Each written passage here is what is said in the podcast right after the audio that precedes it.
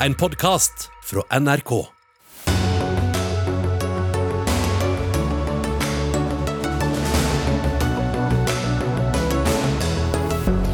Afghanske kvinner bør sendes til Norge for å få utdanning, foreslår en norsk hjelpearbeider. Hvorfor hopper ikke regjeringa på? En lærebok for videregående skulle vise to sider av Russland-Ukraina-konflikten. Vaskeekte propaganda var reaksjonen fra Aftenpostens kommentator. Seks partier på Stortinget vil gi fast opphold til flere hundre asylsøkere som har fått avslag, men vært her i årevis. Det vil belønne dem som bryter loven, protesterer Frp. Og flere kunstkritikere er misfornøyde med Nasjonalmuseets utstillinger, mener sentrale kunstverk gjemmes bort i kjelleren. God kveld og vel møtt til ukas første Dagsnytt 18. I studio Sigrid Solund. De kastes ut av egne høyskoler og universiteter. Hvordan skal afghanske kvinner kunne ta eller fullføre utdannelsen sin? Jo, de kan f.eks. gjøre det i Norge. Dette forslaget lanserer du i et intervju i en podkast i VG. Aisha Wolasmal, du er hjelpearbeider i Afghanistan, der du jobber med helse og vaksiner og er med oss fra Beirut. Hva ligger i det du foreslår? Nei, Det er egentlig ganske eh, konkret og praktisk. Forslaget går ut på at Norge bør vurdere å utstede studentvisum og stipender til afghanske kvinner, slik at de kan få tilgang til høyere utdanning. Eh, dette er eh, et forslag som andre europeiske land også har vurdert. Tyskland f.eks. har brukt 7 millioner euro av sitt bistandsbudsjett til å fasilitere nettopp stipender til afghanske kvinner i nærområdene, riktignok. Men bistandspenger til å utdanne afghanske kvinner i Norge, altså? Ja, og det er veldig logisk, all den tid vi ikke får brukt bistandspengene i Afghanistan pga. sanksjonene som Taliban-regimet er underlagt. Men vi har allikevel øremerkede midler, bistandsmidler, som skal gå til Afghanistan. Mitt forslag er, hvis vi ikke kan bruke de midlene i Afghanistan, hvorfor ikke bruke dem i Norge på afghanske kvinner? Hvordan vil det hjelpe disse kvinnene det, det gjelder, at de kan komme til Norge i noen år og enten ta eller fullføre en utdannelse? Altså, dette handler jo grunnleggende sett om tilgang til utdanning. Eh, og dette er en grunnleggende rettighet verden over. Dette er noe vi eh, snakker mye om. Dette er noe norske myndigheter banker i bordet med. Eh, mitt poeng er at nå må vi slutte å snakke om grunnleggende rettigheter, og begynne å sikre disse rettighetene. Bli med oss videre, Ola Smal. Hanne Skartveit, du er politisk redaktør i VG, og det var jo du som hadde henne her da hun lanserte det i din eh, podkast. Du følger opp med en kommentar i egen avis, skriver at dette er en god idé. Hvorfor er det det, mener du? Ingen kan hjelpe alle, men alle kan hjelpe noen. Og når vi ser situasjonen for kvinner i Afghanistan som blir stengt ute fra universitetene, som får knust sine livsdrømmer, så er det klart at det å ta noen av disse kvinnene til norske universiteter og høyskoler på stipend, er en måte å hjelpe noen på. Og det syns jeg er en god idé. Så hvordan bør norske politikere svare på dette? Nei, De bør si ja. Simpelthen. Simpelthen. Vi har forsøkt å få med oss noen fra regjeringshold eh, i dag. Utenriksdepartementet ville vente med å delta i noen debatt om dette. Emil André Erstad, du er politisk kommentator i eh, Vårt Land. Hvorfor tror du de er såpass tilbakeholdne foreløpig, i hvert fall? Eh, altså, De har nok ikke tatt en beslutning om dette, det er iallfall det jeg hører fra regjeringshold. Og Det handler om at å ta afghanske kvinner til Norge for å gi dem universitetsutdannelse, eh, må være eh, enighet mellom flere norske departement. og Dette forslaget kom ganske nylig. Så da må Justisdepartementet, Kunnskapsdepartementet og Utenriksdepartementet være enige om det. Og så er det nok annen, et annet element der om at det pågår nå ganske intense forhandlinger i Kabul mellom det vestlige diplomater, FN og Taliban-regimet for å gjøre om på de Taliban-vedtakene som kom før jul om at kvinner, lokale kvinner ikke kan jobbe for NGO-er, og at eh, kvinner, afghanske kvinner ikke kan gå på universitetet. Og så er det noen eh, en, en redsel kanskje for å provosere da, de elementene i Taliban som er mest vanskelig på dette. Ja, hvordan kan dette påvirke forholdet mellom Norge og Taliban, og muligheten til å påvirke dem i den retningen vi ønsker, Olasmal? Ja, Det er helt klart at det er veldig mange dilemmaer her. og Vi har jo forsøkt å påvirke interne prosesser og beslutninger innad i Taliban, uten at det har gitt så fryktelig mange resultater. Men jeg mener jo allikevel at det er mulig å ha to tanker i hodet samtidig. Detaljene rundt hvordan dette praktisk og helt konkret skal gjennomføres, det må foregå bak lukkede dører. Jeg ønsker heller ikke noe medie, eh, for mye medieoppmerksomhet rundt dette, nettopp pga. sensitiviteten. Men vi må klare å ha to tanker i hodet samtidig, og vi må, må prøve å se på helt konkrete løsninger. Det har blitt gjort av andre, og det kan gjøres av oss. Samtidig så har jeg full forståelse for at dette forslaget kanskje kom litt brått på. Det er jo litt merkelig, all den tid vi eh, i Norge har prøvd å tenke ut løsninger. At ingen har tenkt ut denne løsningen før nå, er jo ja, ganske spesielt. Men eh, fordi at det er risikabelt, eh, betyr ikke det at vi ikke skal gjøre det. Ja, så Det er jo ingen tvil om at eh, det Wolachmal eh, foreslår her, er, er noe både Taliban og verdenssamfunnet har behov for. fordi eh, Å se for seg et Afghanistan om 10-20 år der kvinnene ikke er leger, sykepleiere eller har andre stillinger som krever høyere utdanning, er veldig vanskelig for å få det samfunnet til å gå rundt. og Det vet jeg i hvert fall at eh, Utenriksdepartementet og andre vestlige land eh, også er bekymra for. Og sannsynligvis òg element internt i Taliban. Men på toppen så sitter eh, Talibans øverste leder, eh, Habaytullah Akundzada, og han er en av de som da holder igjen på dette, ifølge de som jobber tett på forhandlingene. Hva tror du Skartvedt, om dette med å prøve å legge press kontra å prøve å forhandle, og så tilby noe sånt noe som dette vi snakker om nå? Jeg tror ikke erfaringene så langt har vist at det å ha dialog og bare det lukkede rommet Taliban fungerer. Noen har det som jobb, ok, men jeg tror veldig på åpenhet og på at vi må legge politisk press her i Norge på våre myndigheter, slik at de tar de nødvendige initiativene og gjør det som kreves for å prøve å få til dette som en god, praktisk løsning for en del av disse kvinnene. Men hva tror du eventuelt at politikerne kvier seg for i forbindelse med dette, da? Noe er kanskje litt sånn diplomatisk eh, sendrektighet, og som Erstad er inne på her, litt sånn eh, vi, red tape mellom de ulike departementene. Men jeg tenker at dette bør være en no-brainer. Vi har jo en kvote på 2000 flyktninger årlig, hvor det er politisk prioritering hvem som skal tas inn der. Jeg mener det å, ta noen av disse kvinnene for eksempel, inn i disse kvotene kunne vært en ganske god løsning. Men som kvoteflyktning, Erstad, hva syns du om det? Nei, Jeg, jeg syns det høres ut som et godt forslag, og noe vi har eh, gjort med andre studenter fra andre land. Eh, altså, Norge har jo hatt en lang tradisjon med å støtte studenter i risikoland opp igjennom. Så jeg tenker at hvis regjeringa får litt tid på seg her, så tror jeg eh, dette forslaget her blir tatt godt imot. For det kan ikke være sånn eh, at Afghanistan skal være det eneste landet i verden der kvinner og jenter ikke får lov å gå videre på utdanning etter sjette klasse. Dette er et kjønnsapartheidsamfunn der kvinner er annenrangs borgere.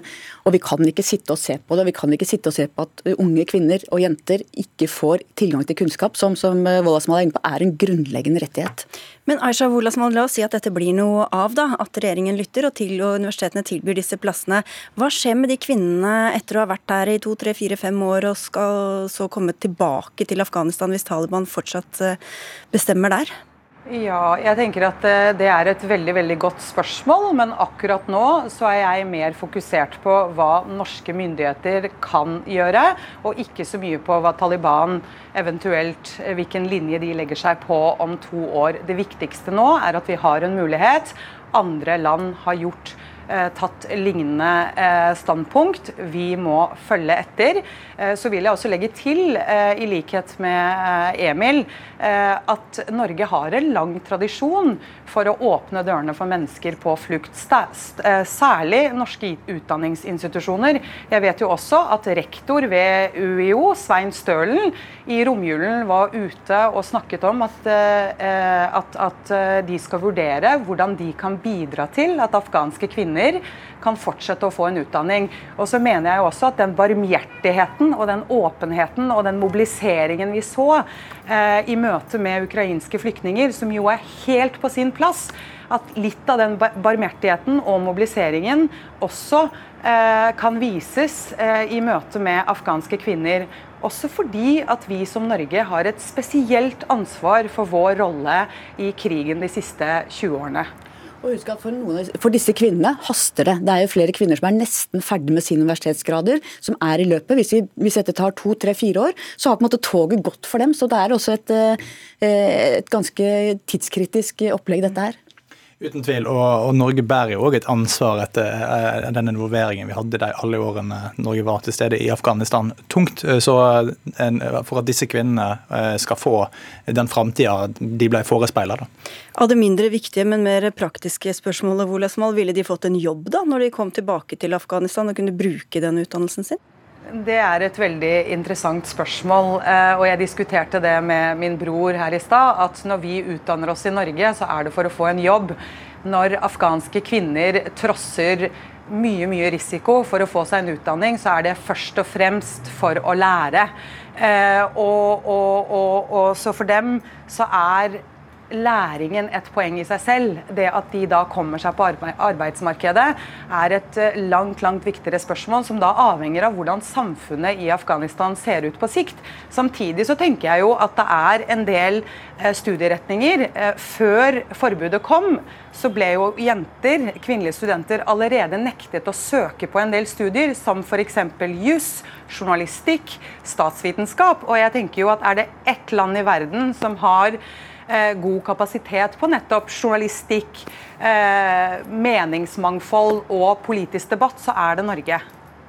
Kunnskap er nøkkel til frihet, og kunnskap er makt. Og det må vi forsøke å gi noen av disse kvinnene.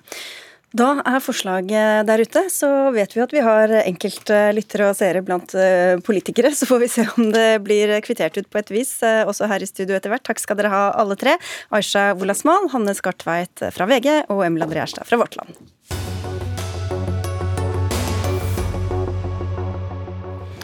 Hva skjedde på Krimhalvøya i 2014? I en lærebok i samfunnskunnskap eh, for videregående elever, Delta, presenteres to ulike versjoner. En såkalt provestlig, som handler om en ulovlig annektering fra russisk side, og en som skal være prorussisk, om at folket holdt en avstemning og valgte å slutte seg til Russland. Therese Sollien, du er kommentator i Aftenposten og skrev svært kritisk i egen avis om hvordan disse ulike perspektivene presenteres. Hva var det du reagerte sånn på?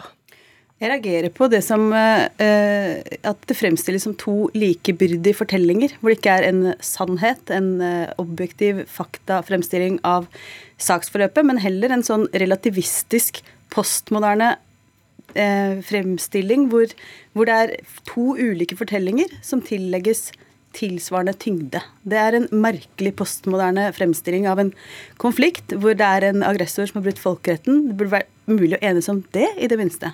Hva slags bilde kan eh, en 15-åring bli sittende igjen med av denne konflikten etter å ha lest eh, disse tekstene, da? Nei, altså Litt sånn tilsvarende forvirring som man kan få etter hvert på et Deleuze-seminar på 90-tallet. At det ikke finnes noe sann fortelling av virkeligheten, men, om virkeligheten, men at alt er avhengig av hvem du spør. Hvor du står, er avhengig av hvem du sitter osv. Det er en kjempeinteressant øvelse på Øvre Blindern. Men for en 16-åring så syns jeg det er å legge listen veldig høyt. da. Lærebokforfatter Torgeir Sali Holgersen, det er du som har skrevet denne mm. teksten. Hva var det du ville vise med disse versjonene? Det jeg ville vise er at det kan gå an å bygge to helt ulike fortellinger som begge er sanne. Eh, I sin essens i den forstand at de eh, inneholder eh, sanne påstander, men som samtidig er propaganda og som ikke gir et helhetlig bilde, ikke gir et riktig bilde, ved å bare plukke ut noen deler av sannheten. Fordi, og det, det som dette egentlig da handler om, er vel at eh, Therese Sollien og Aftenposten da har lagt til grunn at den ene versjonen inneholder direkte usannheter, altså løgn. Eh, det er den prorussiske versjonen? Den prorussiske. Det står i, i eh, kommentarartikkelen din at eh, her sidestiller man en sann historie med propaganda og løgn. Og, og jeg vil være enig i at hvis vi hadde gjort det, så hadde det vært sterkt kritikkverdig. fordi da hadde vi sidestilt sannhet med løgn. Og eh, hvordan skulle en 16-åring vært i stand til å finne ut av det? Eh, helt umulig. Vi hadde villeda, vi hadde drevet eh, propaganda. Hvis det var sant at det var løgn. Men det er det, det, er det grunnleggende premisset som dere da bommer på. Og da lurer jeg veldig på, har dere virkelig sjekka eller var det bare implisitt? Trodde du bare at det var løgn, og skrev det sånn uten å sjekke, eller har du sjekka om det var løgn? Hva, hva var løgn i den prorussiske versjonen, Sollien? Solin? Nå har jo ikke jeg skrevet at Holgersens eh, eh, versjon løgn. Det står løgn her. Nå må du la meg snakke ferdig, da. Ja. Det eh, som er mitt poeng, er at han trekker inn nazistene, eller f.eks. implisitt Bandera, f.eks. er hans betydning for, hvem, eh, for Du må forklare hvem det var. En ultranasjonalist som er fortsatt en slags folkehelt i deler av Ukraina. Eh, men å vise til at det er eh, holocaust som ligger til grunn, altså nazister i Ukraina, som gjør at Russland går inn, eh, og liksom frigjør befolkningen på Krim etter en folkeavstemning osv., det spiller Putin rett i hendene. Og mitt poeng da, er at eh, den, type, eh, den type fremførelse og side, Du påstår at du ikke sidestiller de to fortellingene. Og jeg bryr deg jo eh, eh heder og ære for at du viser frem hva propaganda er. Det jeg syns er merkelig, er at du velger å skrive propagandaen selv, istedenfor å beflytte deg på å gi en nøktern, objektiv fortelling om hva som har skjedd, og heller hente eksempler på propaganda fra virkelige medier. Det vil jeg synes var kjempeinteressant. Ja, det, og det, det, har vi vanligvis gjort. Altså Vi har eh, i Delta vanligvis valgt å framstille to ulike personer som da kommer med det budskapet. Og I den tidligere versjonen av Delta som kom i 2013, så hadde vi da to ulike synspunkter på norsk deltakelse i Afghanistan f.eks., hvor vi hadde to eh, bidragsytere som skrev hvert sitt bidrag når vi nå valgte å gjøre denne løsningen fordi vi måtte ta ut Afghanistan, fordi at Afghanistan i 2019-versjonen eh, ble så entydig at det var en fiasko. Så det kunne ikke være en reell debatt. Altså Poenget med å ha eh, sånne type bidrag i klasserommet er jo at det skal legge grunnlag for reell debatt. Eh, og når vi da skulle skrive om, eh, om Ukraina, så hadde vi for det første litt dårlig tid. Og for det andre så, så tror jeg at på, altså anklagen om at vi hadde presentert løgn i lærebok, ville vært mye større hvis vi hadde henta inn en ekte russisk forfatter og, og, og latt han skrive. Så, så når, når, når, jeg nå har da skrevet eh, to versjoner selv, basert på eh, hvordan argumentene blir presentert, så har jeg valgt å utelate de argumentene som brukes, som faktisk er usanne, og kun eh, skrive sanne ting. Men det som Aftenposten gjør, er å omskrive det som står i boka, parafrasere det på en sånn måte at det karikeres og dermed blir løgn. Og Det er jo dypt okay. uærlig form for journalistikk. Og, det, og, og, jeg må bare få si at det, det setter jo mitt rykte som lærebokforfatter i et veldig dårlig lys. Å bli påstått å ha spredt løgn til, eh, til 16-åringer når det overhodet ikke er dekning for det. Vil du ta selvkritikk for det? For det ordet løgn? Eh, nei. Vi har også lagt ut selve teksten, så leserne kan gjøre seg opp sin egen mening om de synes at det er to eh, like sanne. Du sa i sted at det er måter å fortelle en historie på som hvor begge kan være sanne samtidig. Det synes jeg måte, det er veldig symptomatisk for hvordan sannhetsbegrepet behandles i denne læreboken. Hvor man da eh, på en måte relativiserer sannhetsbegrepet. Da, og det er det du gjør når du sier at det finnes to sanne fortellinger om denne krigen samtidig. Nei, altså, og det er interessant når du da vil du f.eks. For forvente så mye av elevene at de er i stand til på egen kjøl å finne frem til sannheten der. Men det blir litt Nei. som å undervise i kunsthistorie. Hoppe over Rembrandt, hoppe over da Vinci og gå rett til dadaistene. For det syns du er interessant. Et, et spørsmål, Nei, men, Holgersen, for ja. du sier at begge er sanne, ja, begge er sanne. sanne men propaganda. Hva, ja. hva er propagandabiten i den pro-vestlige versjonen, da? Den pro-vestlige versjonen mangler rett og slett bare en del av sannheten. F.eks. at alle meningsmålinger viser at det er stort flertall på Krim for å være en del av Russland. Det betyr ikke at det ikke er et folkerettsbrudd, som det står i den pro-vestlige versjonen. At Russland bare gikk inn og tok det, for det er det utvetydig. Men det, er, men det er, også en del av argumentasjonen hva, hva, folkeflertallet på Krim mener. Og det er et eksempel på en del av virkeligheten som da ikke er med i den pro-vestlige versjonen, eh, eh, men som også er sann. Men kan, når man da sier begge er sanne, kan det også virke som begge er like riktige? Nei, det er ikke meninga å vise. fordi det er jo nettopp opp til elevene, når de da har lest eh, begge versjonene, og da gjøre en vurdering av hvilke sanne fakta er viktige og ikke. Og hvis man da mener at folkeretten, og det mener jeg faktisk selv, at folkeretten står over eh, eh, hva folket mener, det er et viktigere argument så, så, kan man da dra den slutningen. Men det å ikke være klar over det, fordi det er veldig mange i Norge tror at det store flertallet på Krim ønsker å være en del av Ukraina. Men det fins ingen støtte for den oppfatningen i meningsmålinger som er gjort før og etter, eh, etter at det ble tatt over av, av Russland. Og det er også sånn at folk tror i Norge at påstanden om at de hyller eh, holocaust-deltakere i Ukraina som offisiell ideologi, at det er bare en liten minoritet. Men dette er et bilde av eh, Valerij Zaluzjny, som er øverst kommanderende i den ukrainske hæren. Og bak han er bildet av Stepan Bandera, som altså er en aktiv eh, holocaust-deltaker. Og dette er offisiell politikk, det er hyllest fra Og det er selvfølgelig en del av det som Russland bruker som okay. del av sin propaganda, men det er sant. Solin. Ja, men det, jeg synes, det, det, illustrerer jo veldig tydelig hvorfor jeg mener at det er ganske problematisk å sette disse to fortellingene opp mot hverandre uten å fortelle uten å sette seg selv til en overdommer i det minste, da, i, på en uh, objektiv innledende måte i brødteksten. Og det er ikke sånn at Dette er det eneste eksempelet, de to fortellingene, på en total relativisering av hvem som er overgriper og hvem som er offer i den konflikten. På et par sider tidligere, på side 228, så skriver du om russiske trollfabrikker, og i neste åndedrag så skriver du men Nato driver også med det. For Nato har Facebook-krigere. Som om det er liksom likebyrdige størrelser. Og det er den vektingen, eller manglende sådan, jeg reagerer på. Da. Det her er det bare Alt er liksom bare fortellinger, og sant, det, ikke, det finnes ikke. Men hva er grunnlaget for å mene eller, at, har du noe objektivt grunnlag for å mene at det fins flere russiske troll som er betalt av den russiske staten, enn det er Facebook-krigere, som det var skrevet i The Guardian i 2015. Nå er det vel også Twitter-krigere, vil jeg tro, og alle andre sosiale medier, som er betalt av vestlige eh, etterretningsorganisasjoner og militære. Har du noe grunnlag for den oppfatninga? Det du er opptatt av å snakke om, er liksom på den ene siden på den andre siden hele tiden. og Det er det jeg syns er veldig merkelig. I en situasjon hvor det er krig i Europa, hvor et land har invadert et annet land. Da vil du snakke om Stepan Bandera. Hvor viktig er Nei, han men, for Russlands invasjon? Boka okay. kom ut i 2020. Det må du huske på. Ja, men sier... ble da uh, uh, mm. Unnskyld. Ja, nei, nei, nei, jeg skjønner. Det var i 2014. Men dette, bare avslutte, Holgersen. Forlaget selv kaller det falsk balanse. Hva, hva sier du til det?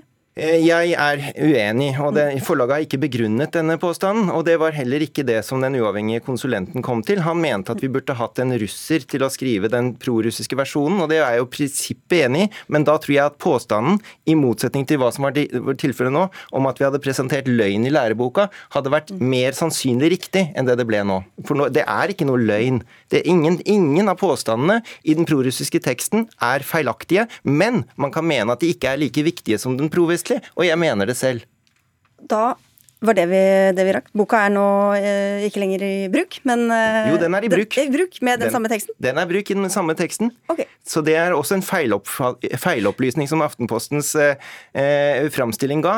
Den er ikke i bruk i en forenkla utgave som kom ut i 2021, og det var fordi det er en fordypningstekst okay. som er litt krevende. da fikk vi oppklart det òg. Ja, ja. Takk skal dere ha begge to, lærebokforfatter altså Torgeir Sali Holgersen og Therese Solien, kommentator i Aftenposten.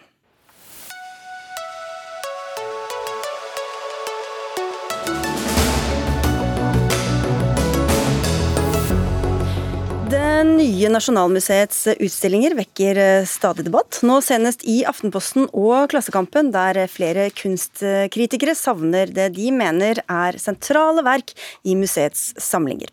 Åsmund Thorkildsen, du er tidligere administrerende direktør ved Drammensmuseum, og er en av dem som har eh, innvendinger. Hva er det du er misfornøyd med? Eh, jeg tar utgangspunkt i den mest seriøse innvendelsen som kommer fra Steinar Gjessing, som jeg syns er forbilledlig i den forstand at den er veldig detaljert og veldig presis. En nestor i norsk eh, Han er en nestor i norsk kunstliv, og er vel en av de som kjenner norsk kunst på 1900-tallet aller best. Og han etterlyser flere verk. Det er altså 6500 av 100 000 eh, i museets eie som står utstilt. Hva burde vært blant de utvalgte, men ikke er det? Eh, altså, det, Jeg har ikke noe behov for å øke den listen der, for at alle kan ha sine favoritter. Men det er jo klart at det, det som jeg ser på som det vesentlige med den debatten, og Jeg er veldig glad for Nasjonalmuseet, og jeg har gratulert Karin. Og jeg syns det er veldig mye bra med det museet. Bare så det jeg har sagt. Det som jeg syns er det mest interessante som har kommet opp i debatten, det er denne statusen som en kanon. Altså en forbilledlig serie med kunstnerskap og kunstretninger, som er det felles referansegrunnlaget i et nasjonalmuseum kontra en mer dynamisk og problematiserende utstillingspolitikk. Altså at noen verk bestandig burde vært uh, utstilt av de mest sentrale, hvis jeg forstår deg rett? da? Ja, det er rett, det er rett og slett det. Og hvorfor står det ikke der hele tiden, da? Karin Hinsbo, du er direktør ved Nasjonalmuseet. Altså Først og fremst så kan jeg jo si at jeg syns jo denne her debatten er fantastisk. Uh, en ting er at en så kunnskapsrik person som Steinar Gjessing uh, har tatt seg bryet med å sette seg ned og skrive en så grundig uh, artikkel med Øh, over 70 kunstnere som øh, han savner, øh, enten helt eller, eller, eller delvis, er jo helt fantastisk. Akkurat det vi vil ved det nye Nasjonalmuseet. Så all honnør til ham. Han kunne ikke ja, være med i dag. og til Osmond, mm. og til alle som har lyst til å diskutere det innhold som er i det nye Nasjonalmuseet. For vi har aldri, det har aldri vært intensjonen å åpne et nytt Nasjonalmuseet, og så skulle det bli fullstendig taust. Det har vært masse debatt før vi åpnet. Vi ønsker eh, debatten like velkommen. Da setter vi i gang med debatten. etter vi har åpnet. Ja. Uh, så, så det, kan jeg, det, kan jeg, si. Jeg kan mm. si en, um, en samlingsutstilling uh, handler om tilvalg og fravalg. Øh, som du selv var inne på, så viser vi rundt 6500 verk ut av vår øh, samling på ja, rundt 100 000 verk. Der vil man alltid øh, gjøre valg, og man vil gjøre tilvalg. Uh, vi tar noe med, der er noe vi ikke tar med, og der er noe man vil savne. Der er noe alle vil savne, og det er noe alle øh, gleder seg over er med. Vi har mange verker med som ikke øh, ble vist i det gamle Nasjonalgalleriet. Eksempelvis ble det ikke øh, vist Hanne Rykken, Bendik Riis. De er med øh, nå. Jeg kan komme med andre øh, eksempler hvor vi har valgt til i stedet for fra. Men det handler om å ta et valg. Og det er det vi har gjort i det nye Nasjonalmuseet. Og så tror jeg det er viktig å huske også at den debatten vi har nå, den handler jo egentlig om de siste, rundt de siste 100 litt mer øh, års øh, visuell kunst. Men det nye Nasjonalmuseet har jo en samling som strekker seg fra oldtiden og frem til i dag. Og utover visuell kunst øh, fra de siste 100 år jo også går tilbake til den eldre kunsten, og vi har kunsthåndverk og design og arkitektur. Og alt dette kan man si, i det nye Nasjonalmuseet. Okay, okay. Men Torkelsen, er det, er det, gitt at det som var regnet som det mest sentrale for 40 år siden, fortsatt skal regnes som det mest sentrale? Du, dette er jo det store problemet for alle som driver med kunsthistorie. Det jeg er opptatt av her, siden jeg har nok en mellomposisjon mellom det som Karin forsvarer fra sitt museum, og det Steinar påpeker, for jeg har selv i min kuratoriske praksis vært ganske dristig til å spille ut kunstnerskap mot hverandre. Men et nasjonalmuseum i denne størrelsesorden, som skal være det felles referansepunktet for alle mennesker som går der, og det er veldig mange, det har vært en kjempestor suksess, så all honnør for det, det er det at der bør det etter min mening være en mer konservativ, en litt tregere og litt mer tilbakeholden eh, eh, holdning. Og den en sånn kanon den vil jo alltid være ideologisk betenkt, det er veldig lett å angripe den, men vi er nødt til å ha den for at disse diskusjonene skal komme i gang. Og så handler det vel Hinsbo, også om når man kommer på selveste Nasjonalmuseet, enten du er tilreisende fra et annet land eller fra en annen by eller fra Oslo til og med, hvilke forventninger man kommer dit med, hva man venter å møte av den klassiske kunsten også. Ja, det har vi jo også med. Vi har et et helt rom med Edvard Munch. Han har også presentert andre plasser i samlingen. Vi har et rom med Isedal, uh, forteller hele den uh, hva skal man si, norske utviklingshistorie i, hjemmen, i hjemmekunsten. Uh, det er det. Vi har de kjente og kjære ikonene. Vi har Kittelsen, Soya Moria. Vi har, vi har Harry Bakker-rom. Vi har Christian Krogs Albertine. Alle de kjente og kjære ikonene. Noen av dem er veldig kjent i Norge og ikke internasjonalt. og omvendt noen er kjent internasjonalt. Øh, øh, vi har dem øh, på plass. Og Hvis den lista skal bli enda lengre, så er det ikke plass til noe annet etter hvert, Torkelsen? Jeg tror kanskje at dette har litt å gjøre med hva slags type sammenheng dette skjer i. En kunsthall eller en utstilling som har en kort varighet, der kan man spille ut disse tingene. Men det å endre en kanon som er innarbeidet, kan si det er jo det Steinar Gjessing gjør. Han etterlyser jo grupper grupper av norske kunstnere som har hatt betydning, og som har vært oppfattet som toneangivende. Og jeg mener at det skulle vært sterkere betonet i det nye Nasjonalmuseet. Men der kan man si hvilken kanon? For ja, den kanon som er beskrevet i det nye Nasjonalmuseet nå, det er kanskje ikke din kanon, eller Steiners kanon, ja. men det er Nasjonalmuseets kanon, som er bygget ut på Nasjonalmuseets samling, og ikke minst av Nasjonalmuseets uh, fagpersoner. Mm. For en del av denne her kritikken har også vært at vi skal slå fast, ikke sant? Vi skal slå tonen an. Og det gjør vi også. Vi er veldig bevisst på den posisjonen vi har, og den makt vi har. Men det handler om hvordan forvalter du den makten. Og da har vi valgt å gi rom til andre kunstnere som vi mener har manglet gjennom de siste 50 eller 100 årene på veggene i den nye samlingspresentasjonen. Så vi har ikke ønsket å gjøre en mer konservativ øh, versjon. Vi har ønsket å gjøre øh, kunsthistorien all honnør, men også omskrive den på noen områder hvor vi mm. mener at den burde omskrives. Og igjen så treffer man noen valg. Så ven, det handler om å diskutere kanon. Kanon har aldri vært et fastlåst begrep. Den må alltid være i forandring. Det ligger jo Og i det er det vi er uenige i. For du mener den, den kan låses helt fast. Men det jeg også faktisk mener, jeg mener, og det har å gjøre med åpningsutstillinga, som jeg var veldig kritisk til, det er rett og slett at hvis man har kommet med en ny kanon i det nye store museet, så har man en kjempejobb med å overbevise hele fagmiljøet og formidle hva den nye kanon består i. Om dette bare er et brudd, en dekonstruksjon, eller om dette er en ny kanon som skal bli stående. For det som ligger i kanonbegrepet, det er at dette skal bli stående. Men vi har jo ikke fuldstændig brutt med den etablerte norske kunsthistorien. Igjen, altså veldig mange av hovedverkene de henger der fortsatt. Vi snakker om enkeltverk. Uh, Steinar Gjessing han er jo helt ned. Også, Aldri hørt og noe bli nevnt så mange er ganger i debatt som det Steinar Gjessing blir i denne debatten. Ja, men han er jo, han er jo helt inne på, uh, på sånn helt, at, at der er verker med, og de er de kunstnere, men så ønsker han seg noen flere verk, eller han ønsker seg det verk i stedet for det verk. Og det er jo fint å ta den type debatt, men, den type debatt, men øh, der er jo ikke snakk om å avskrive norsk kunsthistorie. Ikke i det hele tatt. Den fremstår i all sin pragt igennem vår samling, og så har det kommet litt nye greier. Jo, jo, det, det er grunnen til at ikke jeg kom med noen alternativ liste. Men jeg mener, hvis dere mener at dere nå har skapt en ny kanon, da må dere jobbe veldig med å få den etablert, og forklare tydelig og greit hva dere mener med det. Og Vi har da, haft hatt 800.000 øh, innom Ikke så langt, så det handler også om Da å skape gode opplevelser. var det litt reklame på tampen. Takk skal dere ha begge to. Karin Hinsbo, eh, inntil videre i hvert fall, direktør ved Nasjonalmuseet en stund til. Og Åsmund Torkelsen, tidligere administrerende direktør ved Drammensmuseum.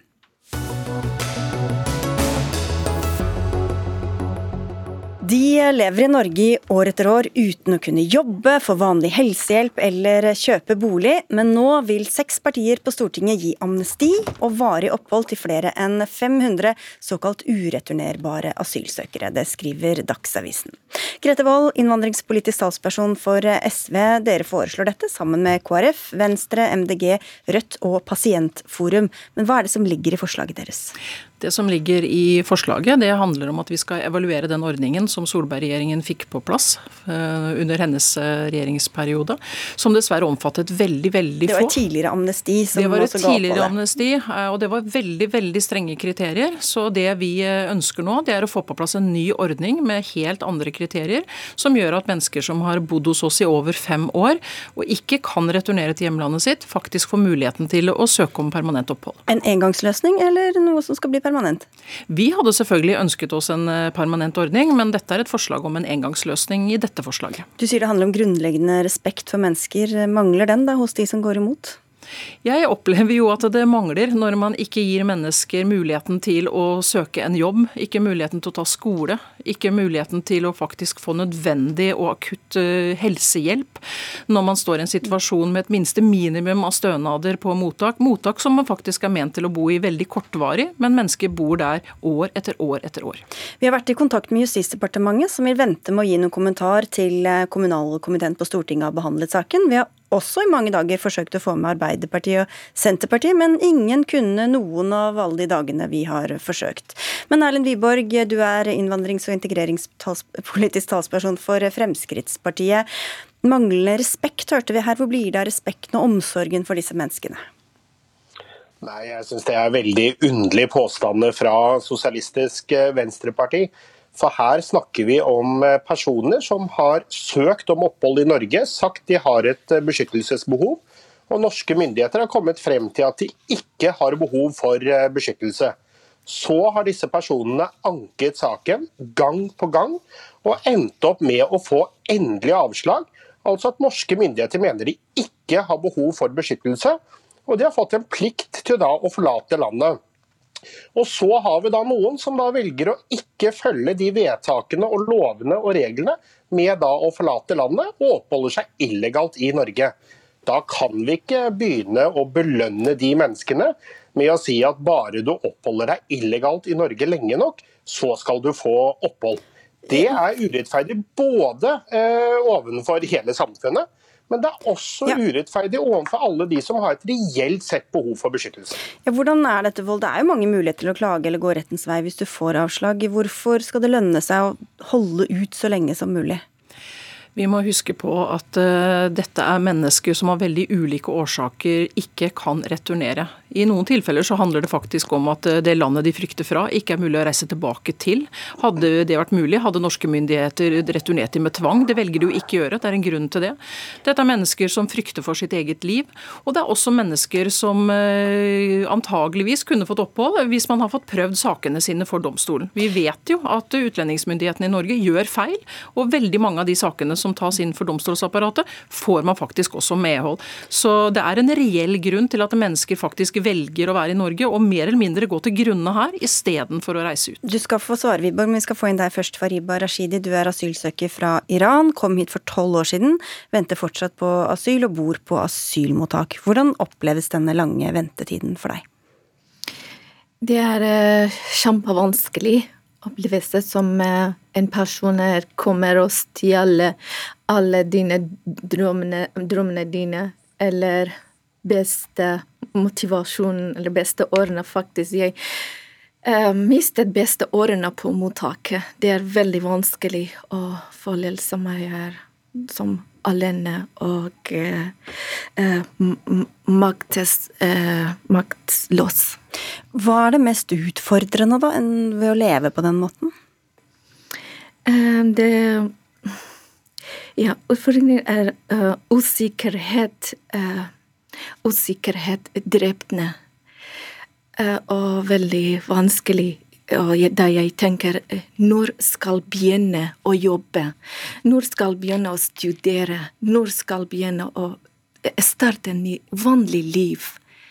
Så det er kjempevanskelig, og jeg mistet beste årene på mottaket. Men kan du dra hjem, da? Nei.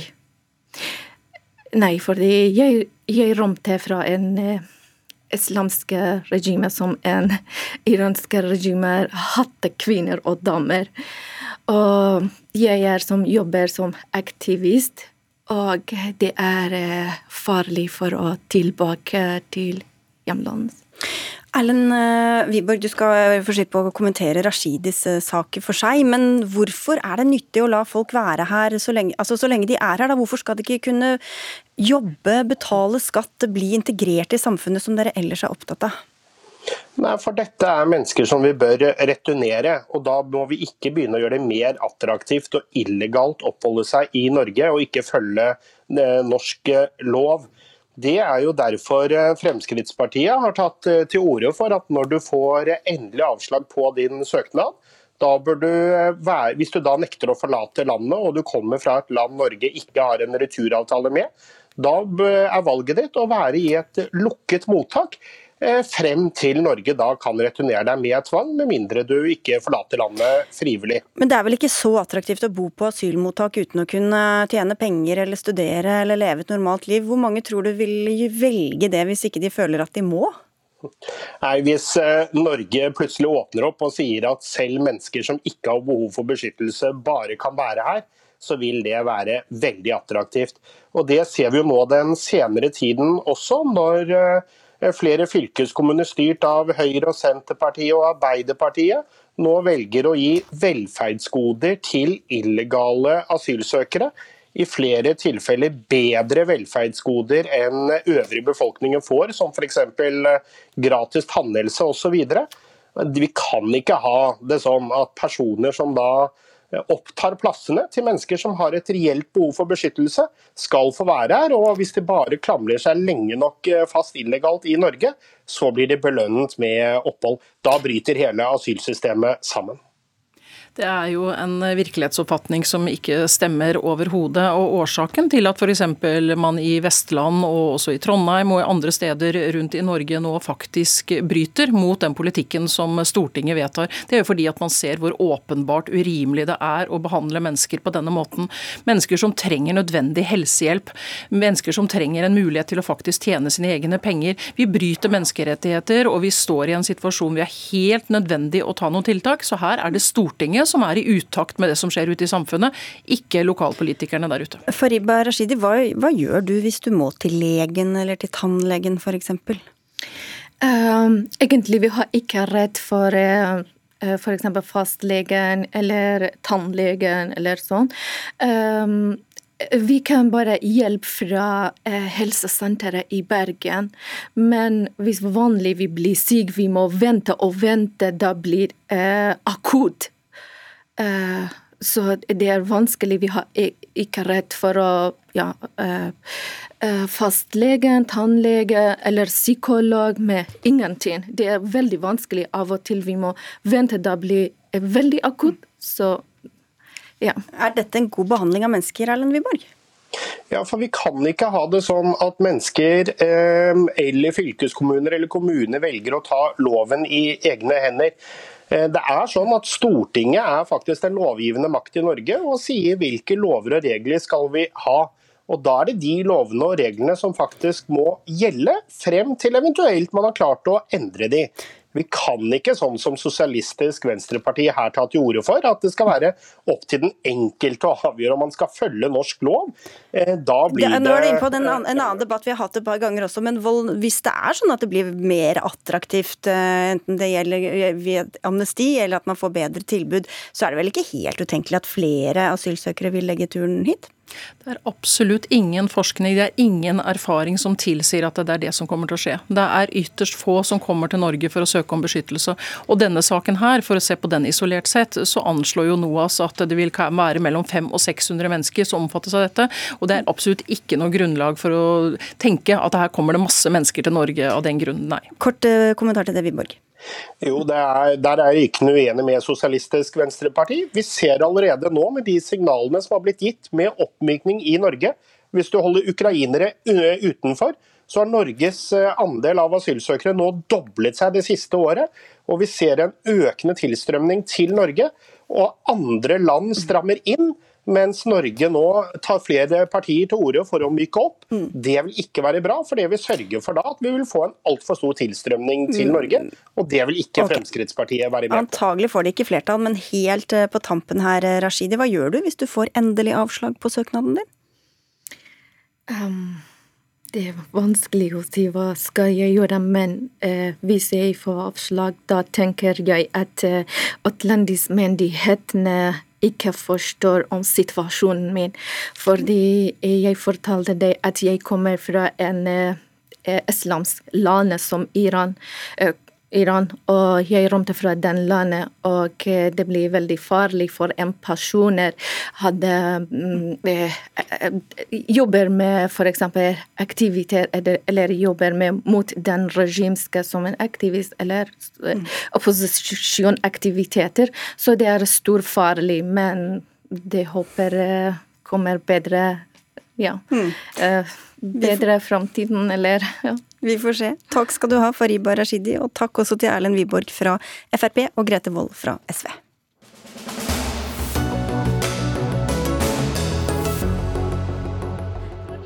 Fjern karakteren i kroppsøving, et forslag mange unge jubler over, men som andre ikke vil ha noe av. Og det kommer fra deg gjennom side i Aftenposten. Mathilde Tørubakken Slettan, du er styremedlem i Innlandet Unge Venstre. Hva var det som fikk deg til å skrive dette? Nei, altså eh, FHI og eh, NHI har jo kommet ut med en rapport eh, som viser ganske dystre tall om at altfor mange av Norges 15-åringer eh, er altfor lite fysisk aktiv i forhold til det som er anbefalt. Uh, og det syns jeg er veldig bekymringsverdig. Um, og da spesielt da, uh, da tenker jeg at det å fjerne karakteren i kroppsøving, det vil jo være med på å kanskje løfte fram og gjøre at en gruppe som uh, ikke er fysisk aktive utenfor skolen, som f.eks. ikke går, på noe sport, ikke liker å trene, ikke liker å være fysisk aktive, at de kanskje på en måte får litt mer mestringsfølelse og motivasjon av gymtimene. Fordi det er jo ikke så veldig motiverende eh, å være ja, og få slengt en toer etter seg. da. Eh, hvis du egentlig syns det er kanskje gøy eller ikke gøy, så er det uansett ikke noe gøy å få en toer etter, etter deg, og da er det ikke noe du har lyst til å gjøre videre. Sara Ude Hasle, du er fylkesleder i Sosialistisk Ungdom Vestfold og Telemark, og svarte i samme sider på side i Aftenposten. Hvorfor eh, er ikke dette en god idé? Nei, eh, jeg mener jo at man burde beholde karakterene i gym, fordi det i dag skal vurderes ut ifra innsats, fair play, samarbeid og viljen til å forberede seg. Så tenker jeg litt sånn, Hvis man tenker at gym ikke er et utdanningsrelevant fag, da er jo heller ikke andre praktisk-estetiske fag utdanningsrelevante. Da er jo heller ikke musikk utdanningsrelevant, for hvem er det som har gode forutsetninger til å få god karakter i musikk? Det er jo de som har instrumenter hjemme. Hvem er det som har god forutsetning for å få god karakter i f.eks. mat og helse? Det er jo de som har fått slippe til på kjøkkenet hjemme. Og jeg tenker at man også må legge til rette for de teorisvake elevene i mm. skolen. Hva er forskjellen der? Eh, ja, Det som er da, det er jo at eh, forskjellen der er jo ganske stor. Fordi at eh, vi kan eh, være helt enige om at hvis du ikke, hvis du hater eh, musikk og får en toer der, så klarer du deg nok Det er et viktig fag, men du klarer deg nok helt fint. Samfunnet vil ikke kollapse om en større gruppe elever ikke liker musikk. Eh, men derimot hvis en større gruppe elever ikke liker kroppsøving, så kan jo det få direkte store konsekvenser for både samfunnet og enkeltindivider. Fordi at de får dårligere helse, tenker du da. ikke ja. sant? Men hvorfor tror du at det virker mer motiverende å bidra og være mer aktiv i i kroppsøvingtimene hvis man ikke blir målt der? Nei, Det handler jo om at da kan man ha fokus, et reelt fokus på eh, god helse, både fysisk og psykisk, og effekten av eh, å være fysisk aktiv. For jeg er helt enig i at vurderingskriteriene som Venstre faktisk var med på å utarbeide, er kjempebra. Eh, men det som er problemet, er at de funker ikke i praksis sammen med en karakter. Eh, så vurderingskriteriene er bra, men det funker rett og slett ikke med en karakter. Og så syns jeg også det er litt rart at dette kommer fra SU, at vi skal beholde karakterer i kroppsøving, når de faktisk har vedtatt at de har lyst til å fjerne karakterer i alle fag på ungdomsskolen. Ja, Hvordan henger det sammen, Hasle? Ja, nå er det jo ikke sånn at vi har superlyst på karakterer hele tiden. Men vi mener at hvis vi skal ha karakterer i skolen, da er vi faktisk nødt til å ha karakterer i kroppsøving kroppsøving ble et veldig viktig fag for meg, fordi jeg er ikke så veldig teoristerk på skolen. Dette, kroppsøving, er et fag hvor jeg fikk mye mestringsfølelse, og det løfter også de teorisvake elevene. Og jeg mener at Hvis man fjerner karakter, så går man i feil retning. Det raserer fagets status. Da ender vi opp med en skolelærer som ikke prioriterer kroppsøving. Vi får ufaglærte lærere uten kompetanse. Vi får dårligere kroppsøvingstimer, vi får dårligere utstyr. Det bidrar til at folk ikke har lyst til å være fysisk aktive. og det er ødeleggende for folkehelsen. Nei, det er akkurat der det er så veldig feil. Fordi at eh, kroppsøving det er faktisk et helt annerledes fag enn norsk matte og eh, naturfag. Det er ikke viktigere nødvendigvis, men det er like eh, det er annerledes. Fordi Poenget er at kroppsøving det går direkte utover din helse. Eh, det gjør ikke matte, det gjør ikke naturfag, og det gjør ikke norsk. Ok, Til slutt, Hasle. Ja, jeg mener jo at hvis man ser på fagfornyelsen fra 2020 og dens vurderingskriterier, så i VG2 står det f.eks. at man skal utføre trening på egen hånd og reflektere over hvordan fysisk aktivitet kan fremme god psykisk og fysisk helse og bidra til en helsefremmende livsstil etter avsluttet skolegang og i fremtidig arbeidsliv. Og her mener jeg at man er nødt til å ha tillit til lærerne med en femårig utdanning. Da må man ha tillit til de, og at de klarer å vurdere ut fra de vurderingskriteriene som fagfornyelsen har satt. Ja, eh, og det som er Problemet er at i praksis, jeg selv går på videregående og gikk på ungdomsskolen i fjor, og jeg har fått to helt forskjellige karakterer på ungdomsskolen og videregående. og Det er rett og slett ikke fordi jeg har blitt noe bedre i ballspill, men det er fordi at jeg har to forskjellige lærere som vektlegger ulike ting. Nå skulle vi hatt en lærer her, det har vi ikke, men vi hadde dere her, og det var veldig fint. Takk skal dere ha begge to. Mathilde Tørebakken Skjettan fra Unge Venstre og Sara Ude Hasle fra Sosialistisk Ungdom.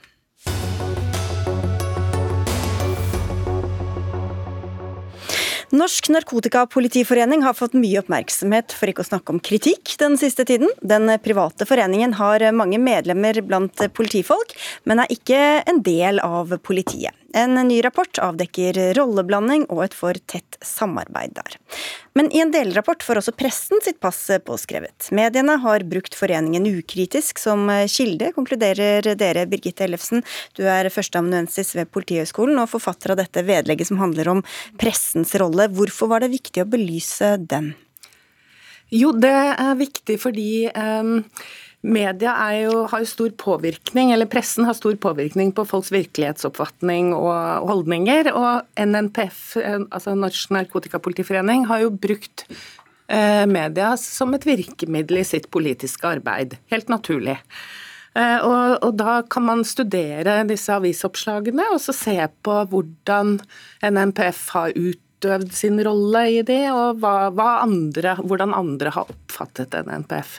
Ja, hva er et typisk oppslag hvor man har brukt NNPF som kilde? Altså, NNPF har veldig ofte blitt brukt som sånn eh, kilde til fakta om narkotikaproblemet. Sånn eksperter fra politiet om narkotikaproblemet og hvordan det bør håndteres. Uh, og, og, så finnes det veldig, fant jeg veldig mange reportasjer som fulgte liksom samme oppbygning og som gikk som det at eh, politi, uniformert politi gikk ut i media og varsler om at de er veldig bekymret for at stadig flere ungdommer, stadig yngre, bruker narkotiske stoffer. Og så informerer de om at men eh, nå kommer en NPF til bygda eller byen og skal holde foredrag for eh, foreldre, så der oppfordrer vi alle til å delta. Og så følges det opp med reportasje fra disse arrangementene. Og da står de samme politifolkene, men nå i en NPF-T-skjorter og holder foredrag og, og, fremfører sitt budskap for foreldre, som da omtales som naive, og nå har de forstått det. og og, og, denne foreningen jobber jo bare for å nevne det også, for en restriktiv narkotikapolitikk, hvor eh, man ikke f.eks. skal avkriminalisere brukerdoser. Eh. Men hva slags kritiske spørsmål, om noen, eh, har de fått? da? Nei, altså det, Dette ble jeg jo veldig oppmerksom på etter hvert som jeg gjorde denne undersøkelsen. og Det var et totalt fravær av kritiske spørsmål fra journalistenes side. Eh, de ble ikke spurt om eh, hva slags eh, posisjon de uttalte seg fra. De ble gjerne omtalt som politi av pressen selv. Og de ble ikke stilt noe kontrollspørsmål på hva slags kunnskapsgrunnlag er det dere legger til grunn for det dere sier nå. Erik Stefansen, politisk redaktør i Nettavisen. Du var tidlig ute og, sa at, og skrev at mediene må ta selvkritikk. Hva er de viktigste læringspunktene her? Nei, altså, vi, vi, fikk jo en liten sånn eh, øyeåpner for litt over halvannet år siden, i august i forfjor. Da hadde vi et ganske ukritisk intervju med lederen i NNPF, eh, som vi ble felt for igjen i, i, i PFU. Eh, pressens faglige utvalg, ja. I Pressens faglige utvalg. Og da tok vi på en måte eh, da hadde vi allerede skrevet en del kritiske kommentarer om det, men det var på en måte ikke forankra helt i redaksjonen. Og det vi, det vi så da med oss sjøl, og seinere har sett veldig tydelig i, i, i, mange andre medier, særlig hos NRK, det er at, at det er helt sånn fravær av kritiske spørsmål. At det liksom de nesten blir behandla som en slags spesialavdeling i politiet. At folk, både presser og foreldre som tror at dette er spesialister fra, fra selve spesialavdelinga for narkotika. Og så viser det det er jo bare privat politisk regjering, nei, forening, av, av, folk som er veldig ivrig at du må bruke straff. Uh, Istedenfor, mens, mens resten av samfunnet har på en måte bevega seg over mot at, at at, at rusbrukere kanskje må ha hjelp istedenfor straff. Men det er jo lov å ha forskjellig syn på dette her, da. Men uh, disse manglende kritiske spørsmålene, um, Ellefsen, hvem var uh, verstingene? Nei, altså Det stemmer det at NRK, og særlig kanskje distriktskontorene til NRK, uh, har hatt veldig mange sånne saker. Men det var også regionaviser som, som utmerket seg Eh, på lista, så det er ganske mange. Og de er ikke her, men vi har deg her, Per Arne Kolbakk, eh, etikkredaktør i eh, NRK. Er du, først, er du enig i den kritikken som kommer? Ja, det må jeg si at, at det er. Og det er viktig funn som Birgitte Ellefsen har gjort. Og det er veldig systematisert. Og det er jo en dokumentasjon som, som taler for seg. Jeg tror det er eh, uten tvil sånn å si at i hvert fall fram til 2021, eh, og da rolleforstørrelsesutvalget ble nedsatt, at det var en altfor lav bevissthet på hva slags organisasjon NNPF egentlig er.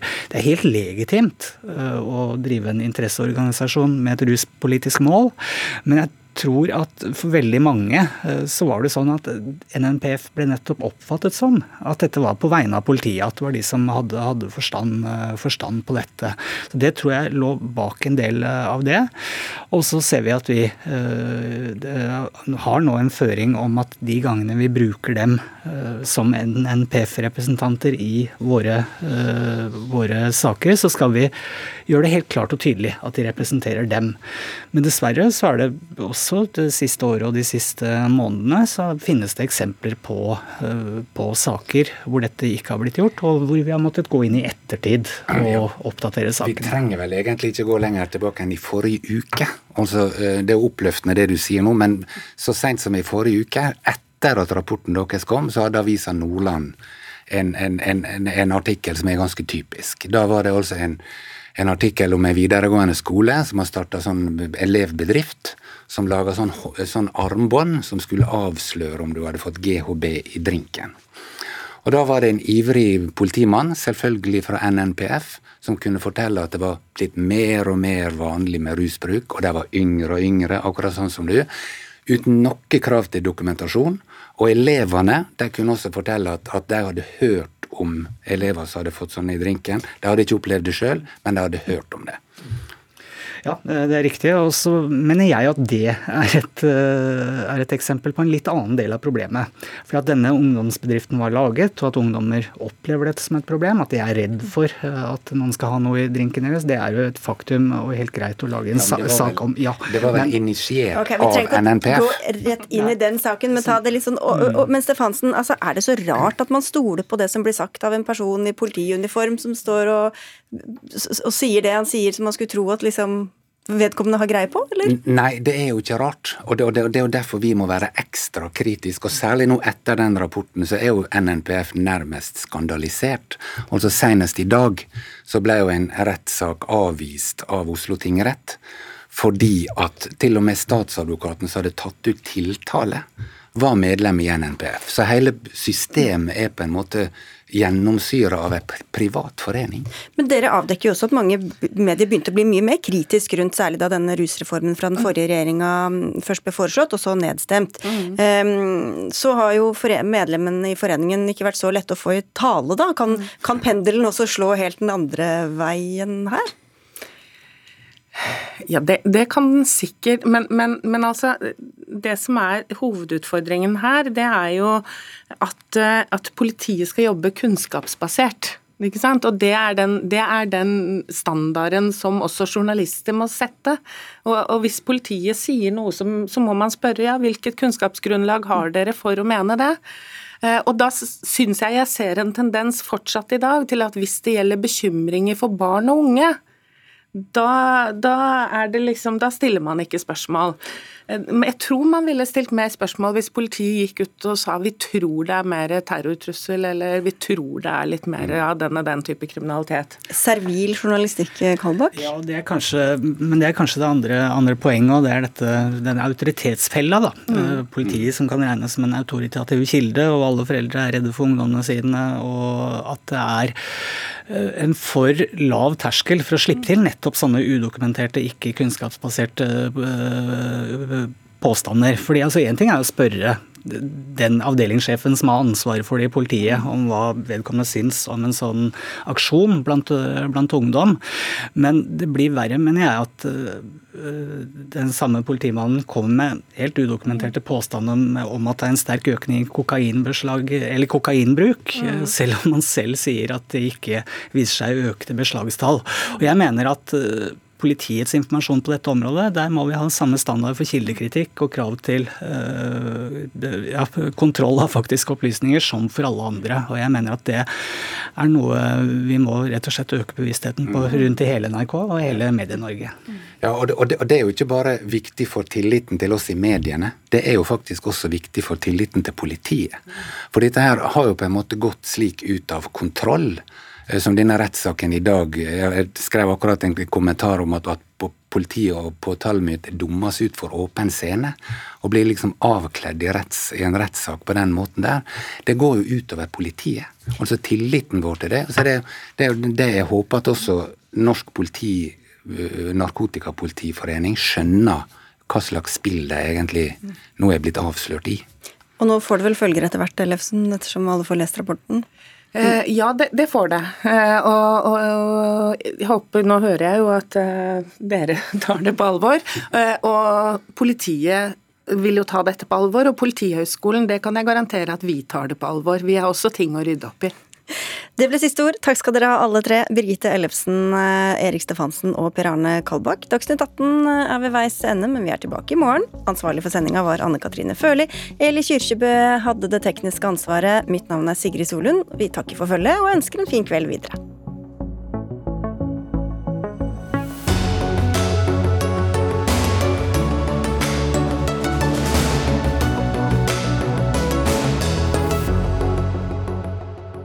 Du har hørt en podkast fra NRK. Hør flere podkaster og din favorittkanal i appen NRK Radio.